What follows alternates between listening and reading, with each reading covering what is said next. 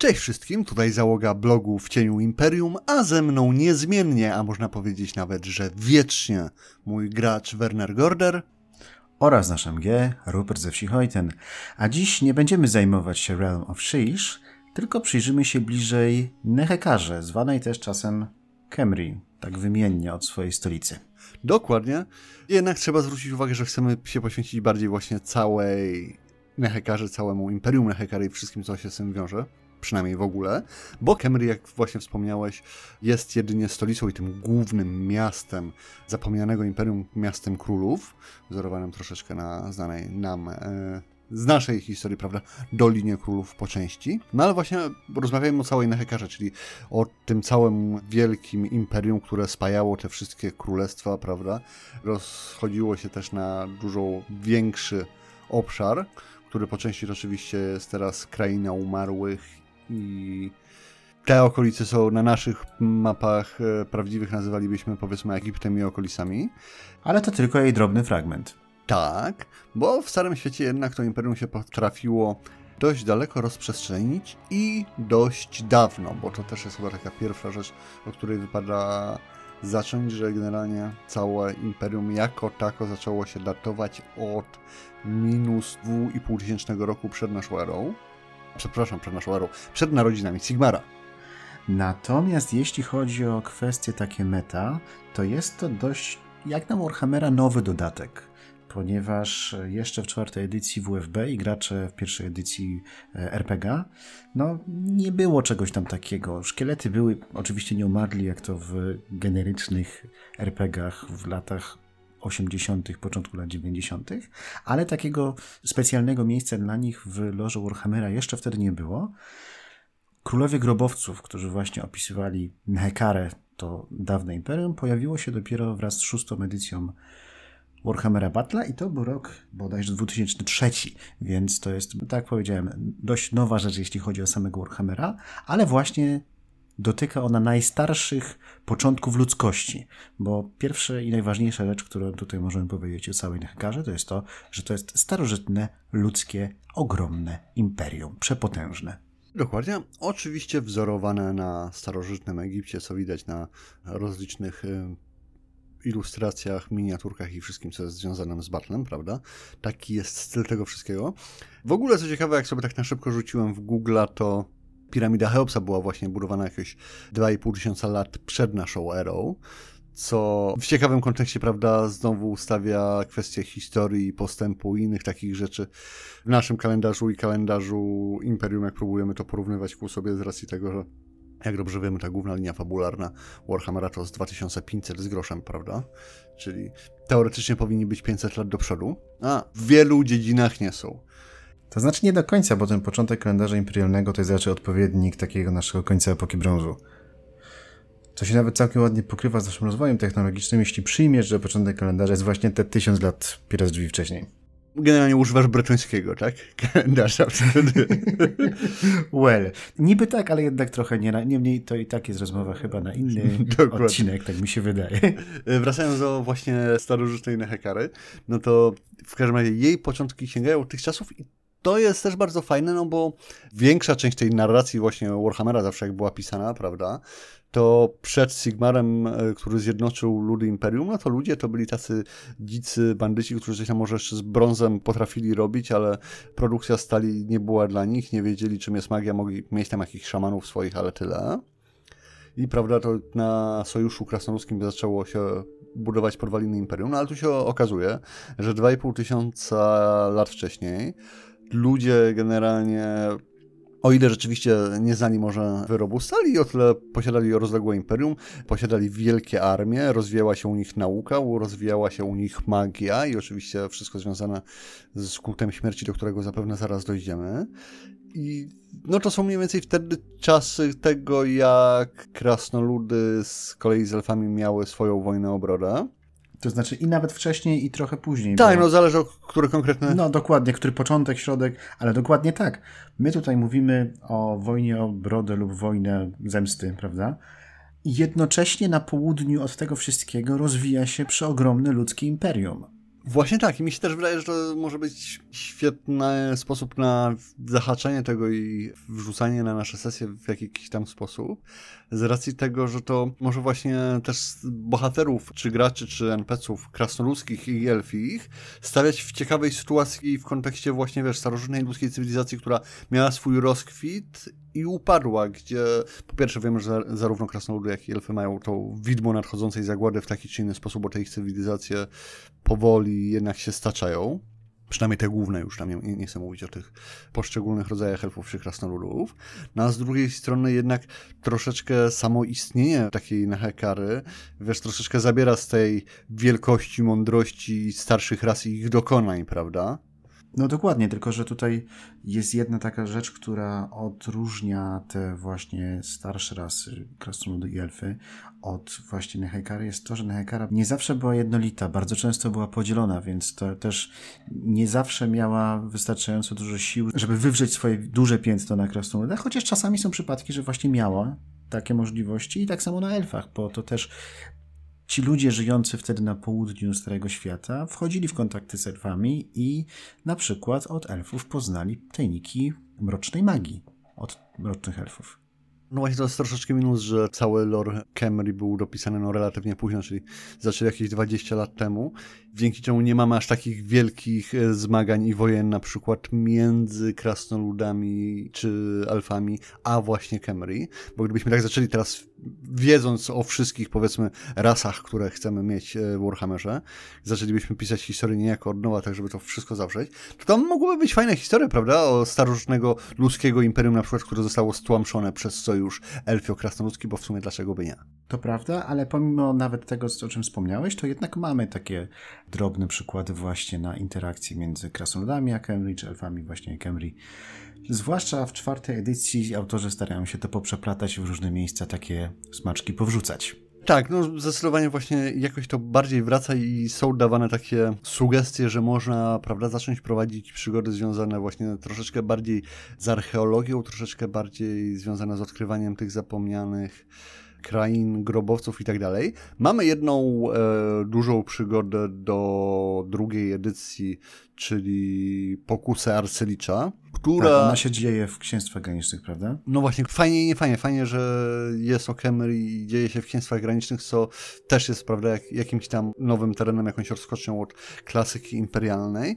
No minus jest troszeczkę taki, że to mimo wszystko wciąż jest taki daleko wysunięty posterunek Kemri i nie jest to to prawdziwe Camry, o którym mamy mało informacji i wiele tych informacji jest e, takich, że Camry to jest kolejne miejsce, które jest tak złe, że nie, nie ma po co tam iść, to znaczy pomijając skarby, które się tam kryją, ale generalnie, że wszystko jest tam złe, wszystko chcecie zabić i wszystko chcecie zniszczyć. W sumie z drugiej strony jak droga między małymi wsiami w Rejklandzie, więc nie ma się też czemu, dziwić.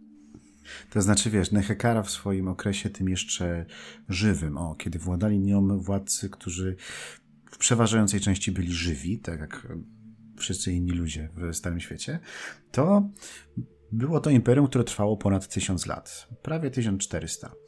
I w ciągu tego swojego trwania, no oczywiście zmieniało granice. To była taka luźna konfederacja miast, z których właśnie najważniejszym było Kemri.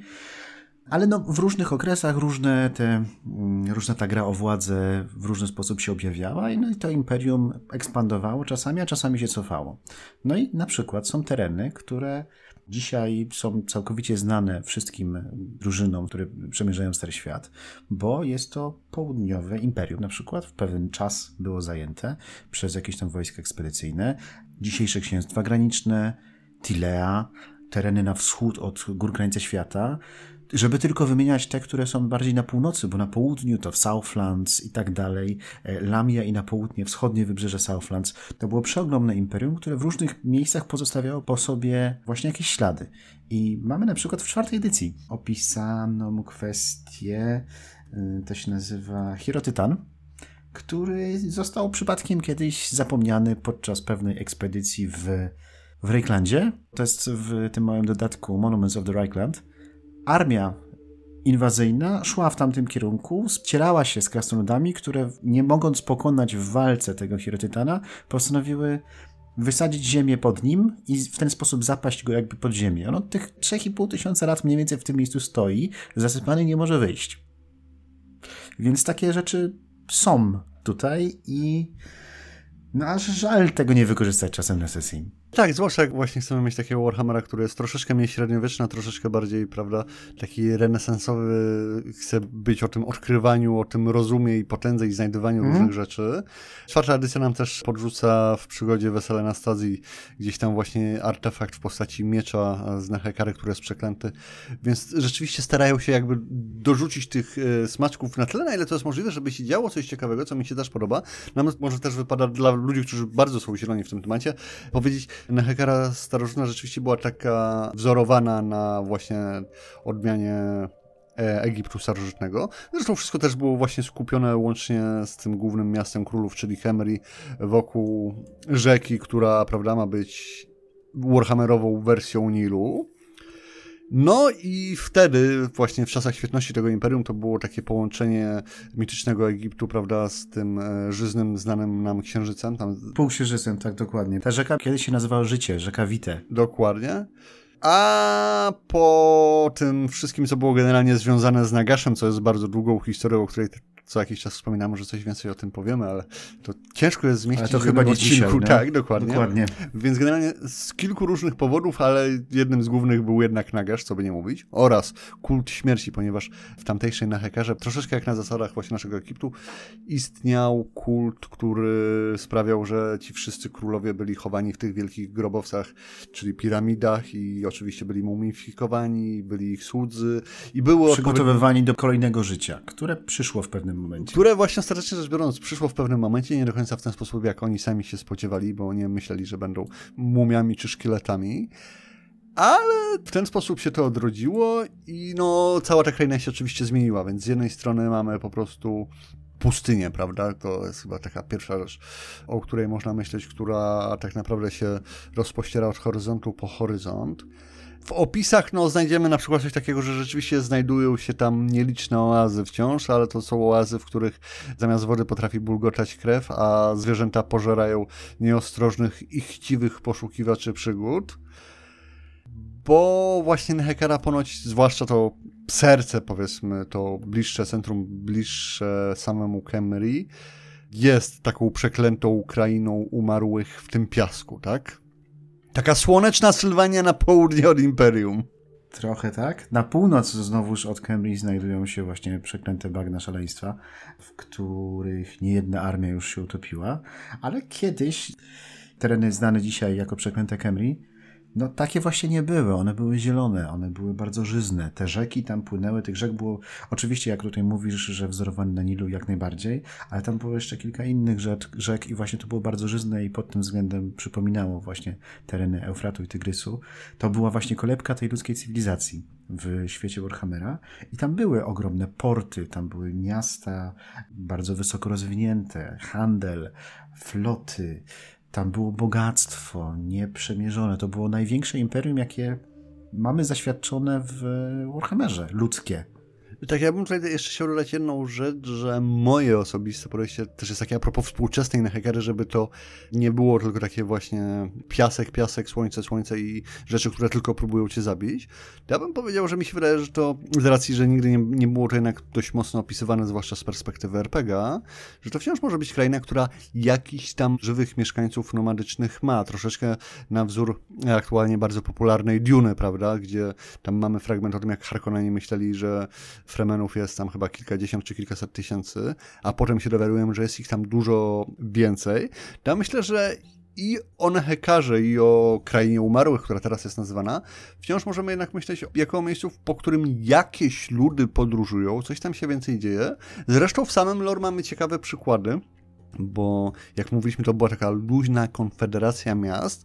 No i to jest taki też typowy sposób pisania, prawda, lore przez GW, zwłaszcza pod e, bitewnego młotka, że staramy się rzucić jakiś ogólny wzór, ale na dobrą sprawę każdy może spróbować zrobić swoją armię tak, jakby chciał, tak jak mu będzie to odpowiadało. I są podawane różne przykłady. Jest podane na przykład takie miasto jak Numas, Dokładnie tak. zwane miastem żywych, w którym Generalnie jakiś czas temu, to już też stulecie, ale kiedy Kemry już upadło i zostali tam tylko nieżywi, pojawili się właśnie nomadzi Scytianie, którzy w jakiś tam sposób doszli do wniosku, że panujący tam nieumarły król jest tak naprawdę żywą reprezentacją ich Boga. I teraz mamy takie miasto żywych i nieumarłych jednocześnie, gdzie żywi tam pracują dla dobra tego swojego nieumarłego króla, który tym wszystkim oczywiście jakby zarządza. Dalej jest nekromantą, dalej są tam ożywione szkielety i tak dalej jeszcze z czasów świetności jego królestwa. Oraz jak współcześni, prawda, umierają w bitwach czy czymś takim, bo oni też wszyscy walczą o to, żeby bronić tego miasta, to są ożywiani, żeby dalej walczyć jakby w imieniu swojego pana. Przy czym ja bym tutaj jeszcze dodał, że wiesz, to nie chodzi tylko o samych ludzi, bo wiemy z tego samego podręcznika do szóstej edycji do Tom Kings, że właśnie w tym Numas hodowane są konie i tak dalej. Tam po prostu jest miasto ludzi, którzy żyje pod opieką nieumarłych. Tak, więc całą tą e, piękną nazwę e, krainy umarłych myślę, że możemy jednak traktować jako taki szyld reklamowy. Coś umownego, nie? Tak że, tak, że tam wciąż powinni być jacyś ludzie z różnych plemion i też myślę, że jak chcemy, to to może być taki, wiesz, e- Egipt z czasów ekspedycji brytyjskich, prawda, tam 18, e, końcówka XVIII, początek XIX wieku, wszystko to, co znacie z sesji ze Cthulhu właśnie, jak mamy tam przygody w Heirze i tak dalej, to po części wciąż może się w dużej mierze dziać, bo nieopodal mimo wszystko wciąż mamy miasta, które są duże i jak najbardziej ludzkie, i myślę, że po tej pustyni mogą podróżować różni, którzy szukają zysku, którzy mają takie tradycje. Na pewno możemy dorobić też co nieco związanego z religią, zarówno ludów e, związanych z Arabią, jak i innych.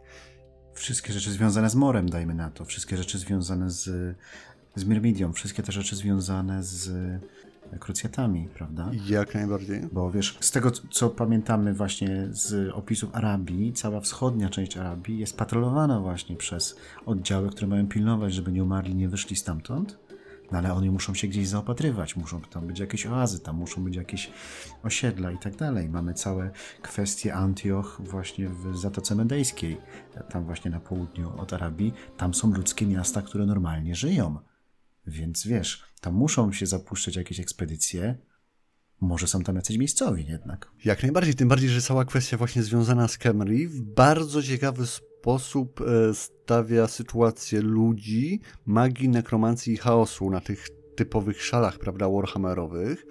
No bo jednak z tego wszystkiego, co wiemy o Camry, to po pierwsze wychodzi na to, że ludzie potrafią się, jak chcą i wszystko pójdzie... To potrafią dużo, nie? Tak, jak i wszystko pójdzie zgodnie z ich myślą, a nawet czasami szczęśliwe wypadki im pomogą, to ludzie potrafią być zaskakująco potężni, prawda? W świecie, gdzie mamy tysiącletnie elfy pokroju Melekita, prawda? Mamy tych krasnoludzkich kowali run i tak dalej. Zresztą swoją drogą tutaj jeszcze zaznaczę, bo kiedyś wspominaliśmy o tym, że w poprzednich edycjach ludzie mogli być kowalami runu i mogli tworzyć runy.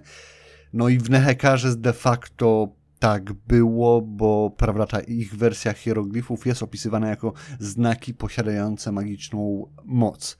To jest kwestia interpretacji, natomiast bezsprzecznie istniało w Nehekarze coś takiego jak nekrotech, tak. prawda? Którzy budowali po prostu golemy wielkości na 30 metrów wysokości. Y, dodajmy, że Nekrotech, e, nazwa jest nie bez powodu podobna do architekt, byli rzeczywiście budowniczymi i jest informacja o tym, że te znaki, które miały mieć wielką moc, oni byli uczeni przez magów kapłanów, jak je wykonywać, ale oni sami w sobie magami kapłanami nie byli, więc było takie właśnie krasnoludzkie podejście troszeczkę bardziej rzemieślnicze do wytwarzania czegoś, co prawdopodobnie w jakiś sposób było magiczne. A ba, prawdopodobnie wiemy, że mają pozostałe wciąż magiczne przedmioty, bronie i pancerze i tam chyba płaszcze i szandary nawet, więc już pomijając całą nieumarłą armię, która się trzyma na magii, więc wiemy, że tam jakaś magia na pewno była. Oni potrafili to tworzyć, więc to jest też ciekawy przyczynek do tego wszystkiego, prawda, że Dokładnie. ludzki sposób operowania magii, magią potrafił być zupełnie inny niż to, co potem nauczyły elfy Imperium Sigmara. No ale właśnie, mówię, fajne jest to, że ludzie naprawdę przy tym wszystkim wydają się potężni, gdzie de facto nagarz, jakby się na tym skupić, to na dobrą sprawę jest chyba najpotężniejszą ze śmiertelnych istot, jakie tak na dobrą sprawę powstały w świecie Warhammera, pomimo tych swoich śmierci i odradzeniach i tak dalej Może właśnie dzięki nim. Dokładnie. Druga sprawa też jest ta kwestia związana z chaosem i z nekromancją, że o ile nekromancja, bycie nieumarłym ma swoje wady, o tyle wydaje się to być skutecznym sposobem na powstrzymanie chaosu. To jest jakby przeciwieństwo, prawda? Całkowite. Jeżeli chaos jest czystą zmianą, to bycie umarłym odtracasz powietrzność jest czystą stałością. No tak, ale to, to prawda. Poza tym, poza tym jest to daleko trochę od bram chaosu. To prawda, no to też mamy informacje takie, jeszcze chyba z pierwszej edycji pochodzące i z tego, z Warmastera bodajże, o tym, że piaski tych pustyń właśnie w Arabii niejako magia w nie wsiąka i że ta magia jest, nie może działać w taki sposób, w jaki zwykle jest opisywana w Imperium, dlatego nie mają tą swoją magię z dżinami i jest wiązanie tych dżinów, zamykanie ich w lampy i fakt, że one spełniają życzenia.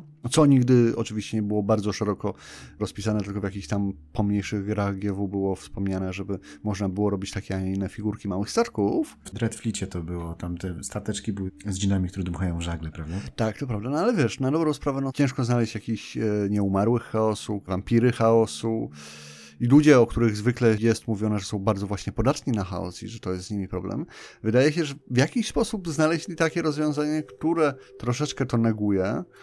I mówię, stawia to wszystko w bardzo ciekawej sytuacji. Generalnie jakbyśmy mogli przenieść sobie drużynę czy sesję do Nehekary, czy właśnie w te okolice w ogóle, no to wszystkie te pytania związane z tym, gdzie jest chaos, gdzie zaczyna się korupcja, gdzie zaczynamy się zmieniać, na ile wiemy, że nekromancja też negatywnie wpływa na wszystko, co żywe, w sensie chodzi mi o to, że... Nie. Znaczy, ale wiesz, no to też jest ciekawe właśnie w kontekście, jak wspominaliśmy o Numas, że z jednej strony masz miasto z bardzo potężnym nekromantą, liczem i innymi nieumarłymi, w którym cały czas musi być dużo wiatru śmierci, musi być de facto dużo dar, muszą być dużo nieumarłych, no ale ludzie tam żyją, zwierzęta tam żyją, wszystko się jakoś tam rodzi i umiera.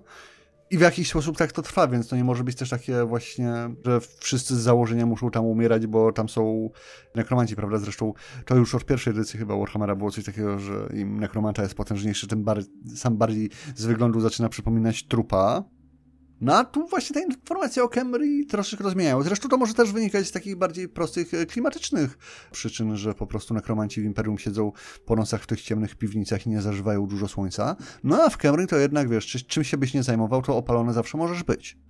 Chcesz mi powiedzieć, że witamina D obroni cię przed tak. zamianą, w licza? Tak, tak. Znaczy nie zamianą w licza, tylko właśnie wiesz, w ten sposób, wydaje mi się, że to jest suplement, o którym wielu nekromantów po prostu zapomina. I stąd zaczynają... Zwłaszcza pod kislewską granicą, nie? Tak. I stąd biorą się mhm. ich wszelkie maści problemy ze skórą między innymi, ale nie tylko. To zdrowotnie bardzo ważny suplement. Polecam wszystkim, zwłaszcza w tym późnym, zimowym czasie, zaraz po nowym roku nawet u nas. Okej, okay, ale wracając na ziemię przeklętą Kemri, tak. to tutaj troszeczkę jednak podryfowaliśmy w kierunku fantazji. Chociaż nie, witamina D potrzebna. No nieważne. Biorąc pod uwagę średnią mhm. wieku naszych słuchaczy, suplementy diety powinny zacząć nas sponsorować. Też prawda. E, I biorąc pod uwagę temat, który dzisiaj poruszamy, prawda? No, ale chciałem wrócić właśnie do tego Nekrotek mhm. i do najbardziej strategicznie położonej doliny w całym byłym Imperium Nehekary, mianowicie do Doliny Królów. Mhm. Bo jak popatrzycie sobie na mapę, to na wschód od Imperium zaczynają się góry krańce świata. I góry krańce świata idą cały czas na południe, prawda? Tam krasnoludy mają swoje Karas Ankor i tak dalej, ale one idą jeszcze na południe. A, Góry Krańce Świata na południe. A, od strony Imperium, dobra, dobra, dobra. Od strony Imperium, tak, tak, tak. Idą cały czas na południe. No i to są dość wysokie góry i one przecinały Nehekarę na pół pomijając jedno miejsce, jedno wygodne miejsce, bo wiadomo, przez przełęcze to zawsze można jakieś znaleźć, ale to było wygodne miejsce, które nazywało się Doliną Królów. I to było y, przejście, które łączyło dwie części Nehekary, tą zachodnią i tą wschodnią. I one ozdobione było właśnie trzydziestoparometrowymi posągami królów z różnych miast całego imperium, którzy chcieli postawić sobie posągi, które tam będą uświetniać ich na wieki. A wszystkie te posągi w razie konieczności mogą być animowane właśnie tą, no właśnie tą magią, tą technologią nekroteku, nekroteków, którzy to budowali wtedy. I mówią o tej dolinie, że no, do dzisiaj te posągi potrafią patrolować tą ścieżkę w poszukiwaniu właśnie głupich lub naiwnych, lub bardzo odważnych e, poszukiwaczy przygód, którzy chcą przemierzyć tą drogę.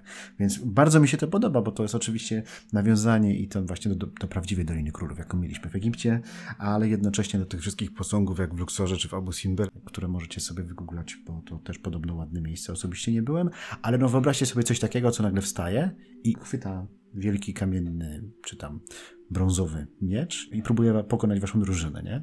Więc to jest ciekawy motyw. Dokładnie, bo jednak e, kraina nieumarłych nie do końca musi się tyczyć, e, jeżeli przynajmniej właśnie w kontekście takich przeciwników, istot, które kiedyś żyły, ale właśnie wielu różnych tworów, które mogą być no de facto osiągnięciami ludzkiej magii i technologii, prawda? Gdzie zwykle to mówiliśmy tak w tym kontekście o slanach, troszeczkę o krasnoludach, które gdzieś tam tworzyły i dalej się starają w jakiś sposób dzięki tym swoim runom tworzyć takie rzeczy. No a z drugiej strony właśnie mamy Królestwo Nehekary, gdzie wiesz, potrafili zrobić właśnie takiego czy innego golema, który po 4 czy 5 tysiącach lat w piachu dalej działa Mhm. E, no co jest fajne, interesujące i właśnie w ciekawy sposób jakby układa umiejętności, zdolności osiągnięcia ludzkich cywilizacji, bo nagle się okazuje, że nie tylko krasnoludy i skaweny potrafią robić dziwne rzeczy i elfy oczywiście magią. Kolejna rzecz, o której właśnie bym tak dodał, mamy też takie fajne opisy a propos działania magii na tamtych ziemiach, bo to no. Mi się bardzo spodobał e, fragment o tym, że można zobaczyć na przykład wodospady piasku, które płyną w górę. Czyli jakby z wydmy piasek spada, tylko że zamiast spadać to na nią wlatuje z drugiej strony bo to jest jakiś magiczny efekt. I było też wspomniane o tym, że całe wielkie piramidy, monumenty, świątynie, czy nawet miasta mogą zostać y, odkryte przez nagłą burzę piaskową. Nasza drużyna może być pierwszymi, prawda, istotami, które tam będą stąpać po raz pierwszy od tych 4000 lat bez mała. I po kilku dniach to może zostać znowu zasypane na kolejne setki i tysiące lat. Te nazwy miast, które my teraz wymawiamy, to są te najbardziej znane, a to nie znaczy, że są wszystkie miasta.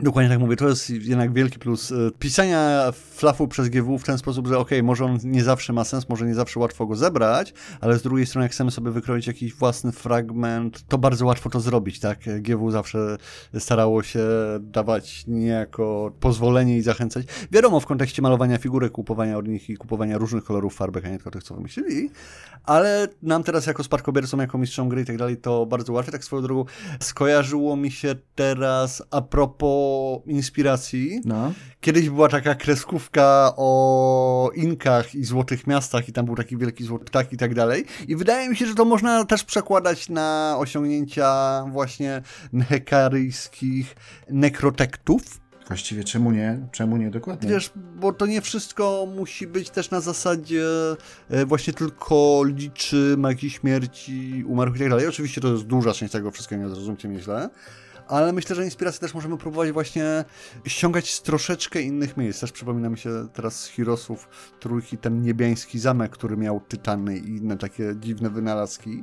No bo jednak Arabia jest blisko, więc możemy Nehekarę przedstawić w jakiś troszeczkę inny sposób. Oczywiście wszystkie kwestie związane z takim typowo egipskim bieganiem po grobowcach, filmami typu Mumia i tak dalej, również uważam, że są świetnym pomysłem na ironiczne ożywienie naszych sesji do Warhammera.